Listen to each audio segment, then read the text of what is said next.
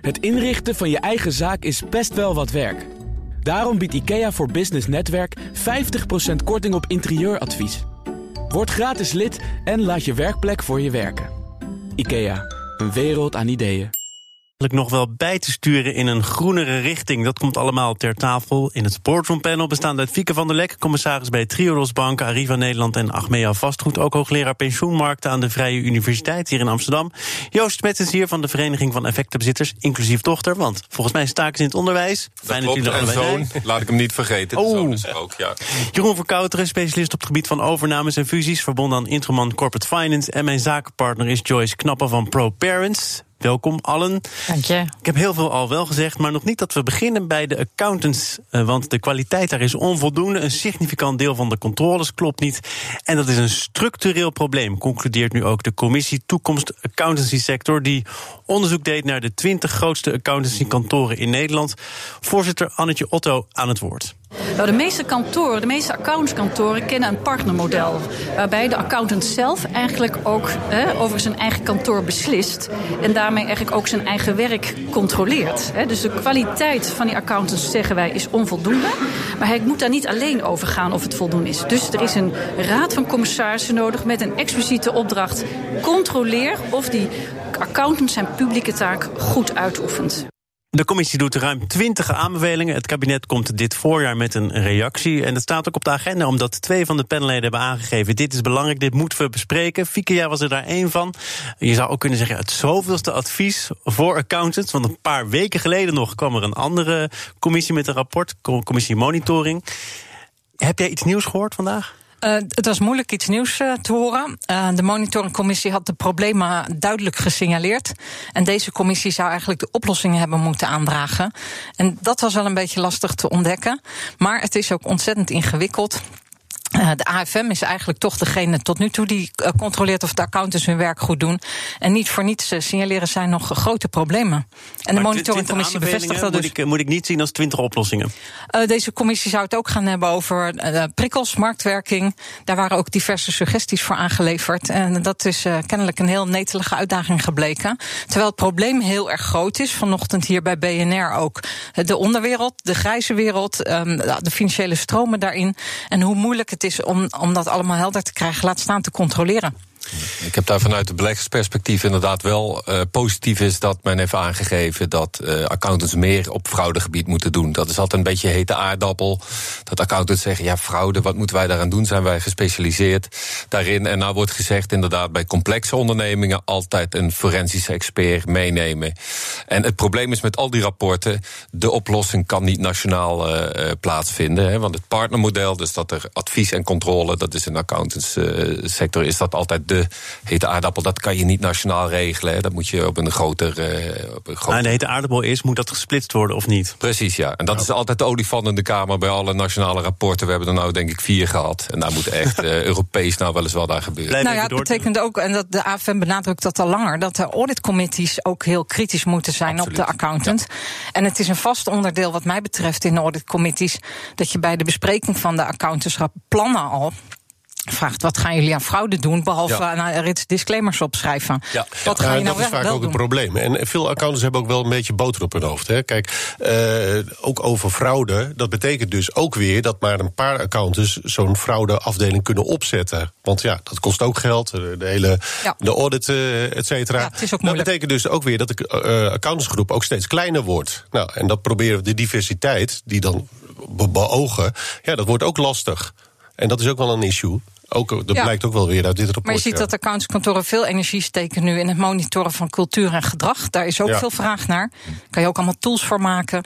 Dat zou bij fraude dus ook echt die impuls moeten hebben die we als samenleving nodig hebben. Absoluut. Maar het is het vierde rapport, ook een beetje met uh, vier dezelfde conclusies. Namelijk, de branche wil wel, maar het gaat niet hard genoeg. En wil die branche eigenlijk wel? Want... Ja, dat vind, dat vind ik een hele goeie. Want uh, ja, nou, uh, om ah, even te kijken in de corporate... wordt. Nee, ja. Ja, ja, maar als we even teruggaan naar de corporate finance wereld. Een aantal jaren geleden was het bijvoorbeeld heel erg normaal... dat uh, een groot accountskantoren zowel de koper als de verkoper bijstonden in het proces. Nou ja, je zou het nu niet meer kunnen bedenken, maar dat werd heel vaak gedaan. Ik heb genoeg voorbeelden uit mijn eigen praktijk daarvan. En dan was het zo van, ja, maar er zijn Chinese walls. Want ik heb kantoor Utrecht en ik ben kantoor eh, Rotterdam. En wij praten niet met elkaar. Nou, eh, de partners eh, praten wel met elkaar. Dus dat is een beetje eh, flauw gezegd. Oké, maar jij zegt dus er zijn al bepaalde zaken, belangrijke zaken veranderd. Nou ja, Ja, is dat- ook- dat, is dus, dat, zijn, dat zijn hele duidelijke Als ik nou Rob aanwijsbare- Hoekstra aanhaal, die pas over een paar maanden formeel met een reactie komt, maar die zegt ook op basis van dit rapport weer: het is tijd om actie te ondernemen. Ja. Ja, dat zal hij in Europa voor een groot moeten doen. En hier, hij heeft nu genoeg rapport om uit te putten. Maar is het zo Eh, makkelijk om te zeggen, ja, het moet Europees? Want waarom hebben we dan op nationale schaal die sector wel vier of vijf keer tegen het licht gehouden? Ja, daar kunnen wel Nou ja. wat dingen veranderen op nationaal gebied. Wat heel belangrijk is, denk ik, dat de AFM nou wordt aangewezen. Van, eh, zij moeten echt dat toezicht houden op die, op die sector. Eh, maar wil je iets met dat, met dat model waarin advies en controle onder één dak plaatsvindt, ja. dat is echt iets wat Europees geregeld moet worden. Nou ja, zijn, accountants zijn wereldwijd opererende. eh, Dus Ik denk dat, de- dat de relatie tussen de sector en de AFM ook hersteld moet worden. Ja. Het is op zich heel logisch dat de AFM dit gaat doen. Ja. Maar in het verleden heeft de sector zich heel erg verzet tegen hun rapportages. Dus daar moet iets verbeteren in de systematiek, de werkwijze, de communicatie. Zodat de AFM ook echt dat gezag krijgt. eh, wat ze daarbij nodig heeft om dat goed te kunnen doen. En tegelijkertijd de accountants niet uit een soort angst voor aansprakelijkheid of wat dan ook. elke keer te terughoudend zijn in het delen van hun bevindingen. dat is op zich wel begrijpelijk van hun uit. Ja, en de de AFM moet wel- commissaris, ja. commissaris pak, je, pak je rol, hè? Zet die commissaris of zet die, pak die accountant. eh, Die auditcommissies. Ja, ja, precies. Dat ja, de AFM moet ook wel de kracht hebben hè, en de en de mogelijkheden. En dat is natuurlijk ook weer Zij een moeten dingetje. empowered worden. Ja. Ja. Ja. Nou is het overigens ook zo dat de ene commissie de andere commissie alweer verwijten heeft gemaakt. Want eh, volgens de monitoringcommissie gaat deze commissie niet ver genoeg. En waarom niet? Omdat er op de achtergrond de grote accountantskantoren zeggen... ho eens even, als je dit opschrijft, eh, daar kunnen wij totaal niet mee leven. Dat gaat echt niet werken. Zou het zo kunnen zijn dat dat gebeurd is, Fieke? Dat vind ik heel lastig speculeren. Ehm, ik denk wel dat de monitoringcommissie zich vrijer voelde om, om zich uit te spreken. Eh, omdat zij de problemen mogen aankaarten. En de- ja, de oplossingsrichtingen, dan, dan ben je ook kwetsbaarder. Nou, het is wel bedoeld volgens mij ook door de minister, eh, deze commissie, die vandaag met dat rapport komt, om het juist wat verder van de sector af te halen. En met wetenschappers en niet zozeer vanuit de branche zelf. Want daarvan heeft de minister gezegd: mijn geduld is op. Maar dat is altijd in, in Nederland. Zodra er iets moet gebeuren. Dan gaan we lekker polderen. Dan nemen we een commissie van mensen die er geen verstand van hebben, want die zijn dan neutraal. En vervolgens gaan die een heel rondje gesprekken voeren in een sector, omdat ze er toch verstand van moeten zien te krijgen. En dan bakken ze er met al hun best iets goed van. En daar, dat hebben ze ongetwijfeld ook weer hier gedaan. De vraag is of we dat zo in Nederland moeten doen elke keer.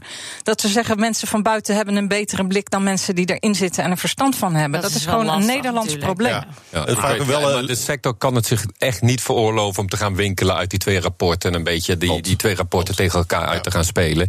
Ik weet, die monitoring commissie accountancy, daar zitten echt wel mensen in die weten hoe het gaat. Er zitten hoogleraren accountancy in.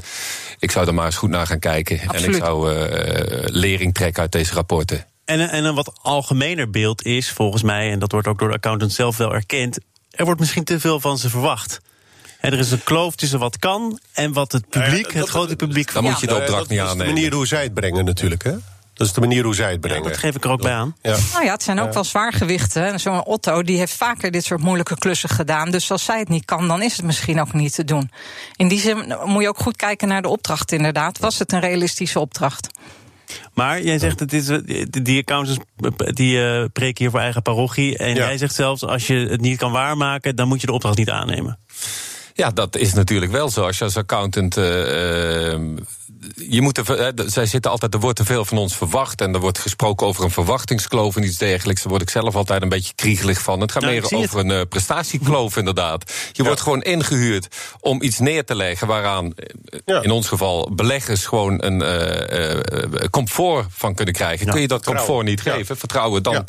dan Maar er zijn ook experts, accountants, die zeggen... als iemand willens en wetens echt de boel wil belazeren... en dat steeds geraffineerder doet... want fraude kent ook verschillende vormen... Ja. dan Ja. is het maar dat is Maar het dat- gaat hier niet alleen ja, om fraude. daarom. Het ging om de kwaliteit van de controles. Klopt. En dat ziet Ja. op veel meer dan alleen fraude. Kijk, fraude, dat kan echt als iemand willens en wetens de boel aan het oplichten is, kan je daar als, ook als accountant weinig aan doen. En in dat geval kunnen ook andere partijen je daar niet eh, kwalijk voor nemen. Maar alle andere zaken, of alle andere zaken, veel andere zaken, daar moet je wel je Nou, verantwoordelijkheid de voor reden dat die commissies worden Ja. ingesteld is toch ook vaak... en daar speelt, spelen media ook een rol in... omdat er schandalen aan het licht komen die wel... Nee, ook omdat deel wel. AFM doet, doet al jarenlang eh, hun onderzoeken zonder dat haakje van die fraude. Dat de samenleving dat belangrijk vindt, terecht en begrijpelijk. Maar er is zoveel meer waarin accountantscontroles ja. op orde moeten zijn. Ja, en dat is vaak. Uh... Nou, ik zat meer te zoeken naar. Als omdat jij zei er is een breed, wordt breder naar kwaliteit gekeken dan alleen fraude. Kan je mij, mij meenemen hoe wordt er dan breed gekeken naar kwaliteit? Nou, ook de implementatie van de rapportagestandaarden, de afwegingen die daarin worden gemaakt, mhm. de documentatie van die afwegingen, de manier waarop wordt gecontroleerd, uh, gegevensgericht, systeemgericht, de keuzes die daarin worden gemaakt, hoe het bureau vaktechniek binnen die accountscontrole weer de second opinion afgeeft, hoe dat weer wordt gedocumenteerd. Dus al dat soort uh, uh, kwaliteitsaspecten spelen onder andere een rol, want er is ongetwijfeld nog veel meer. Het is een structureel probleem en dat zorgt er ook voor dat het een structureel onderwerp is in dit panel. Een volgende keer meer. Zaken doen. Boardroom Panel bestaat vandaag uit Lieke van der Lek, Joost Smits en Jeroen Verkouter. Mijn zakenpartner is Joyce Knap. En we gaan het hebben over een Nederlandse reus. Philips maakt nogal wat los deze week. Het uh, wil af van zijn divisie voor huishoudelijke apparaten. Uh, er wordt zelfs gesproken over het einde van een tijdperk. Philips verdwijnt uit ons huishouden. Reden om een uh, traantje te laten, Jeroen, of niet? Uh, nou, ik denk dat de naam Philips nog wel uh, voort blijft uh, bestaan hoor. Ook als de divisie verkocht wordt. Want ik denk dat de koper ook de naam Philips aan zijn huishoudelijke apparaten zou willen hebben. Dus ik zie dat niet gelijk als een, als een teloorgang van de naam. Maar het is wel zo dat gewoon vanuit, maar goed, dan straks vanuit beleggersperspectief. de medische divisie die dan overblijft en waarvan ze zeggen, nou daar gaan we ons concentreren. Die brengt gewoon simpelweg meer geld op. Ja. En dan houdt, dat is wat het is? Ja, dan, dan houdt het gewoon op. op. Ja, ja zoals, dat, zoals dat bij Philips hebben ze altijd gezegd. Uh, ik weet, uh, Cor Boonsra die zei... Philips, dat is een bord spaghetti en we moeten er een bord asperges van maken. Er liggen nou wel steeds minder asperges op het bord. uh, dat dit, dat, exclusiever. Ja, wel exclusiever, ja. Dat dit onderdeel eruit gaat, dat is op zich... of een, een, deel van de divisie eruit gaat. Dat ja, is net als bij Unilever, waar we het misschien over gaan hebben... de laagst renderende. Als je de wil, die willen af van de thee, toch? Ja, die willen, de thee, die willen van de thee af nou ja, er wordt gewoon gekeken. De visies die minder renderen, die dus, uh, nou, bij jullie leven die T-divisie, die, uh, die uh, boekt, of die heeft helemaal geen winststijgingen. dat kun je niet beweren over dit deel van Philips, toch? Nee, maar toch, het is, nou ja, misschien zien ze ook dat de markt op dit moment goed is. daarom willen ze van een stuk van deze divisie af. En de vraag is natuurlijk, is dat op dit moment verstandig? Want in die divisie, die maakt natuurlijk gebruik van marketing, andere overhead dingen. Je snijdt die nu eruit. Dus ik denk dat nieuwe kopers daar goed rekening mee moeten houden. Dat bepaalde synergievoordelen die vallen weg. Precies. Dus de vraag is, nou ja, hoe gaat dit, uh, hoe gaat dit naar de markt? Nou, de CEO was, uh, was op BNR om dit allemaal toe te lichten. Onder andere vooral ook de cijfers. Maar hij bracht tegelijkertijd deze boodschap en zei: Nou, er zal wel op onze deur gebonkt worden. Want iedereen wil dit hebben. Dat hoort natuurlijk ook bij het spel. Ja. ja. Maar, maar zou dat zo zijn? Uh, het zal in ieder geval een partij moeten zijn die in de sector zit. Want het zal om schaalgrootte moeten gaan hier. Philips was niet meer bereid om die schaal. Uh, uh, om bedrijven in deze sector aan te kopen. Om schaal te creëren. Om een concurrentiepositie goed te hebben. Dus dat, hij zal daar ongetwijfeld de partijen hebben. En even aan de, als laatste mogelijkheid. Net zoals Axo dat destijds heeft gedaan. Gezegd: nou ja, als het dan echt niet anders kan. dan brengen we het bedrijf naar de beurs. Dat hebben ze gedaan bij de lichtdivisie. Ik denk dat die beurs, dat, die, die beursgang, dat zie ik nog niet echt kan, ik vind het wel consistent van Philips. Ze hebben gezegd, we hebben twee totaal verschillende product-marktcombinaties. En dat is uiteindelijk voor de beleggers ook niet voldoende herkenbaar. De vraag is dus hoeveel synergie er werkelijk is. Ja. En of je twee herkenbare delen maakt die voor beleggers ook makkelijker op te pikken en te analyseren zijn. Dus in die zin vind ik strategisch heel verdedigbaar. Absoluut, ja. Ja, dat zeker. En moet je eigenlijk sentimenten uitschakelen? Want Philips, uh, die koffiezetapparaten, maar ook bijvoorbeeld eerder de verlichting. Dat was natuurlijk toch wat Philips groot gemaakt heeft. Vergeet het. Je moet kijken naar het heden en de toekomst en niet naar het verleden. Ja, als je ziet, uh, Wolters Kluwer zit uh, hier in de polder. Daar, daar werkt 80% in Amerika. Unilever is eigenlijk een, een Aziatisch bedrijf. Dat de, dat de bedrijven, dat horen wij ook als we met ze praten... dat we eigenlijk al een soort... Ja, dat wij hier de hoofdkantoren hebben. Dat is voor ons de, de, de verbindenis met de thuismarkt. Maar verder is het... Ja, maar dan moet, je ook, dan moet je ook doortrekken en dan moet je zeggen... die scheerapparaten en die tandenborstels... die je nu nog met pijn en moeite medisch kunt noemen forget it. Die moet je dan ook toch uh, ja. parkeren, of niet? Uh, dat nou ja. kan een kwestie van timing zijn. Ja. Ja, misschien komt het nog, inderdaad. Hey, en je ziet het overigens wel vaker, hè, dat een eh, afsplitsing succesvol wordt. Bekendste voorbeeld, ook gerelateerd aan Philips, is natuurlijk ASML. Stork. En Stork. Hoe, kun je daar op voorhand iets zinnigs over zeggen? Wanneer iets echt kans van slagen heeft, of zelfs nog groter wordt dan in de oude constellatie, en wanneer het misschien geen goed idee is? Dat, is een lastige vraag natuurlijk. Maar kijk, eh, je moet ook uitgaan van wie wordt de koper. Inderdaad, een strategische partij werd net genoemd. Maar ik zie ook nog wel eens een investeringsmaatschappij geïnteresseerd zijn in dit, in dit stuk van de divisie. En uh, op het moment dat je daar dus nieuw management in krijgt, met nieuwe energie, met nieuwe ideeën, et cetera, dan kan het best wel eens zo zijn dat deze club uh, opeens wel een stuk doorgroeit. Nou, nieuwe dit producten, innovatie. natuurlijk. Hè? Wat ja, zou nee, jij zeggen? Dus, ja, maar jij dat is moet dus- dit nu verkopen aan ook, iemand. Ja, nee, goed, het hangt, het hangt van de koper af. Laten we daarmee beginnen. Ja, ja, ja. Maar even los daarvan, denk ik zeker dat eh, onder Philips heeft het een bepaalde positie. Maar een nieuwe koper kan er heel veel nieuwe energie, innovatie, eh, nieuwe markten inbrengen. Dus ik zie daar wel echt wel een, eh, een bestaansrecht voor zo'n club. Ja, als de fundamentals goed zijn, dan Ja. kunnen ze misschien Daarom. ook gewoon gezonder blijven apart. En dan blijft ook nog de werkgelegenheid behouden. Want dat is natuurlijk voor deze domestic appliances divisie altijd wel heel belangrijk geweest. En dan komt er een tweede hoofdkantoor bij. Alleen van een ander bedrijf. Laten we het over de fundamentals hebben. Dan eh, de fundamentele eh, kwesties van Shell gaan over olie en gas. Vanmorgen kwamen de cijfers. Flinke lagere winst, met name in het laatste kwartaal. En volgens eh, topman Ben van Beurden ligt dat met name aan de lagere olie- en gasprijzen, uiteraard. En hij noemde de markt, zo gaat dat dan, uitdagend. Joost, eh, was het echt een flinke tegenvaller? Eh, nou, laat ik zo zeggen. de- de Shell, nou ja, eigenlijk wat er gebeurt, Shell drijft gewoon op olie. Zo simpel is het. En ik, de, de persoon die daar de persberichten schrijft, die baan zou ik wel willen hebben. Want volgens mij is het altijd hetzelfde. De olieprijs valt mee of de olieprijs valt tegen. Het doet geen recht. Cyclisch als te gek. Ja. Ja. Jij bent niet op zoek naar uitdagend werk. Het doet geen recht aan wat Shell eigenlijk eh, allemaal verder nog doet. Maar duidelijk is wel dat Shell bepaald geen voorloper is als we kijken naar de transitie. En daar, eh, ja, dat, daar zullen ze toch meer mee moeten doen. Wat bijvoorbeeld een hele interessante Waarom moet ontwikkeling dat is. eigenlijk? Omdat op een gegeven moment eh, eh, je ziet klimaatverandering en de klimaatcrisis die er is, die vraagt gewoon om andere dingen dan de, eh, dan de olie- en gasindustrie die er nu is. En, is natuurlijk hebben we dat nog lang nodig. Dat Het is eindig ook. Ja, er is nog een reden. En Ja. dat is dat institutionele beleggers steeds Ja. vaker ook worden Ja. afgerekend of zij wel voldoende groen beleggen. Ja. Precies. Shell moet Ja. het deels hebben van de Ja. institutionele Ja, beleggers. zeker. En steeds daaromheen altijd weer die. Nou was The Guardian bijvoorbeeld, die stopt met olie- en gasadvertenties. Hè, alsof het eh, sigaretten is. Behoorlijk, eh, behoorlijk, behoorlijk iets. En Shell zal daarmee moeten doen. Als je bijvoorbeeld ziet Repsol, Spaanse oliemaatschappij. Die hebben laatst gezegd: Nou, wij hebben olievoorraden staan. Wij denken dat een deel daarvan niet meer rendabel winbaar is. Dus we schrijven gewoon bijna 5 miljard af. Dat is in de sector echt een bommetje geweest. En je vraagt je af: moeten andere energieconcerns daar nou ook iets over Jij gaan zegt dat ze heel weinig doen bij Shell. Ik kwam een eh, uitspraak van een eh, energie-expert tegen. Ook omdat gisteren Mark van Baal hier te gast was. Ja. Iemand die probeert met activistische aandeelhouders om Shell te veranderen. Die het overigens allemaal heel erg langzaam vindt gaan. Ja. Maar die energie-expert zei: en we hebben allemaal onze mond vol over Repsol. Hè, dat vinden we allemaal Ja. spectaculair. Maar wat er in onze eigen achtertuin gebeurt, ook bij Shell, dat vergeten we. We zijn eigenlijk veel kritischer op onze eigen bedrijven. We zijn kritisch op eh, bedrijven, maar het is niet omdat we kritisch willen zijn, maar omdat het echt, echt, echt, eh, eh, omdat de tijd gewoon dringt. Ik weet, een jaar na Parijs, eh, na, het, na het akkoord van Parijs, klimaatakkoord, toen was ik in Parijs en was ook Ben van Beurden. En de man die had, die had het alleen nog maar over leveling playing fields. En in Saudi-Arabië zitten partijen en die moeten veel minder eh, bekendmaken en veel minder, de- veel minder transparant zijn. Die tijd is denk ik voorbij. Shell is een ontzettend. Als er nou één partij is hè, die hier kansen kan grijpen die met die klimaatverandering samenhangen, dan is dat Shell. Ja, en als ze het dan zo goed doen, laten ze daar vooral heel trots op communiceren. Ja, ja, ja. Maar er is, er is toch ook nog een andere werkelijkheid. Ik haal even aan wat de reactie van Shell was toen bleek dat ze met name nog investeren in olie en gas.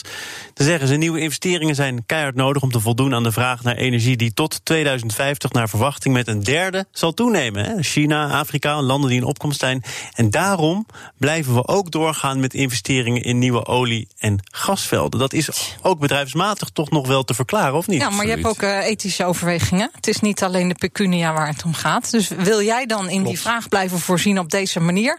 Of zeg je nee, daar hebben wij dus een andere en- overtuiging en op? Tot 2050 is het de goedkoopste oplossing.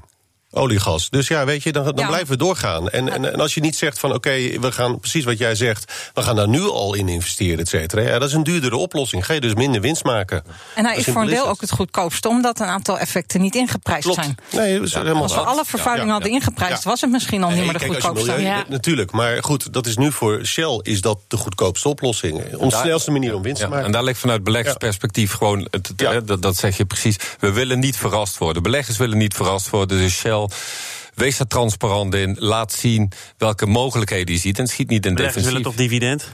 Nee, beleggers willen niet verrast worden, vooral. En eh, inderdaad, ze willen dividend, maar te hoog dividend. wel, want dat is de reden dat het in elke portefeuille zit. Ja, maar er je- langzamerhand dus uitgaat onder druk van die Europese taxonomie voor investeerders. Ja, we hebben heel veel kritiek gehad dat Shell een tijd lang hebben ze eh, behalve dividend betaald ook aandelen ingekocht. En daarvoor leenden ze gewoon geld bij de bank. Hè. Dat moesten ze gewoon op de pof doen, omdat ze gewoon beleggers niet wilden eh, teleurstellen of daar die boodschap niet wilden brengen. Ja, dat is geen houdbaar model. En dat zie je nou ook dat Shell schroeft die, die aandelen inkoop terug. En daarom gaat het aandeel nu weer iets onderuit. Dus dat, ze zullen daar toch eh, eh, transparanter in moeten zijn. Ik wil met jullie naar een uitspraak van het hoofd New Energies van Shell. Want ze vinden het wel zo belangrijk dat er een hoofd New Energies is. Maarten Wetselaar die heeft in de Telegraaf gezegd... er moeten triljoenen dollars geïnvesteerd worden... om van een CO2-intensief naar een CO2-vrij energiesysteem te komen.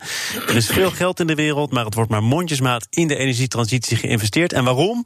Omdat investeerders snel bang zijn hun geld kwijt te raken. Ja, dus dus de vraag waar die investeerders op worden afgerekend. En, eh, Maar is het dus riskant? Want dat, dat concludeer ik hier. Nieuwe technologieën zijn doorgaans riskanter dan beproefde technologieën. Maar hoe riskant deze dan weer specifiek is. Eh, Ik denk niet zozeer riskant. Ik denk dat er gewoon hele lange adem voor nodig is. En dat dat een beetje het eh, verhaal is. Kijk, we weten allemaal wel, uiteindelijk gaat het wel komen. Maar het gaat heel veel jaren duren. Want we kunnen. eh, Olie is eindig. Heel simpel. Dus op een gegeven moment houdt het gewoon op. Ja, dan moeten we toch iets anders hebben die onze auto's rijden of op. En wie, wie, wie neemt daar dan het voortouw in? Zoals gezegd, Mark van Baal die was hier gisteren en die zei: Het is inderdaad onvermijdelijk, hè? het is Ja. eindig, het is een stranded asset. Ja. Nou ja. Maar de gevestigde orde die wilde nog niet aan. En de Dat is, dat is niet helemaal waar. Die. Als ik bij pensioenfondsen zie, dan zijn er pensioenfondsen waar nu de deelnemers al aan hun besturen vragen: wij willen uit die en die eh assetklasses, die activa, die bedrijfstakken, daar willen we gewoon niet meer in belegd zijn voor ons pensioen. Die pensioenfondsbesturen moeten daarover rapporteren. De Nederlandse bank houdt er toezicht op. Die zijn daar ook heel voorstander van. En in Europa moet het van de Europese Commissie. Dus we zien een enorme beweging op gang komen. Ook vanuit uiteindelijk de mensen die vroeger alleen voor het rendement gingen. Waarom van- willen ze daar niet meer in zitten dan? Dat voelt niet goed. Ja, maar eh, waar willen... Mensen hebben kinderen, kleinkinderen, denken echt nog wel een beetje vooruit. Ja, dus ze hebben wel degelijk veel meer invloed dan wat eh, we zouden denken. En dat zie je nu op gang komen. Je hoort het van CEO's die zeggen gewoon vroeger daar ging ik naar grote beleggers en dan was het eerste dan eh, was strategisch enzovoort. Nou, een van de eerste vragen dat is ja, wat doe je aan klimaat, wat doe je aan ESG, wat doe je aan diversity? Die weten er komt regelgeving aan en beleggers willen altijd regelgeving een stap voor zijn, daarop kunnen anticiperen. Nou ja, dat is. eh, En maakt Shell helemaal geen stappen op die Jawel, onderwerpen? natuurlijk. Wat doen ze dan wel. wel? Eh, nou, 10 seconden. Nou, die hele, renew- die hele renewable energies. Heb je even. Die renewable energy strategie die is echt wel serieus. Ja, Ja. en het, het is natuurlijk maar net met welke maatstaf je Nominaal is het enorm. Want, Ja. Precies. Ja. En als je het afzet tegen welke bedragen er in Shell omgaan... dan kun je weer zeggen, nou, iets ambitieuzer mag wel. Het is een mammoetanker, die keer je langzaam. ja, ja. Ja. Ik heb één belangrijke regel en dat is de klok. Helaas, Fieke van der Lek was hier. Commissaris bij Triodos Bank, Arriva Nederland en Achmea Vastgoed. Eh, hoogleraar pensioenmarkt aan de Vrije Universiteit hier in Amsterdam. En Joost Smets van de Vereniging van Effectenbezitters. Jeroen Verkouteren van Introman Corporate Finance. Fijn dat jullie er waren. Zeg ik natuurlijk in het bijzonder tegen mijn zakenpartner Joyce Knappen van ProParents. Gedaan. Tot de volgende onderwijsstaking. Missie, ja. Iedereen zijn kinderen meenemen naar het werk. Dit was het eh, voor vandaag. Morgen dan is hier Ivan van der Wolf, de CEO van Portbase Rotterdam. Wil de slimste haven ter wereld worden. En een belangrijke speel daarin is de beheerder van het havencommunicatiesysteem. Veel meer leer daarover morgen in BNR Zaken doen. Zometeen eerst Nieuwsroom, de podcast gepresenteerd door Mark Beekhuis... en een productie van het FD en BNR. Veel plezier. Het inrichten van je eigen zaak is best wel wat werk. Daarom biedt IKEA voor Business Netwerk 50% korting op interieuradvies. Word gratis lid en laat je werkplek voor je werken. IKEA, een wereld aan ideeën.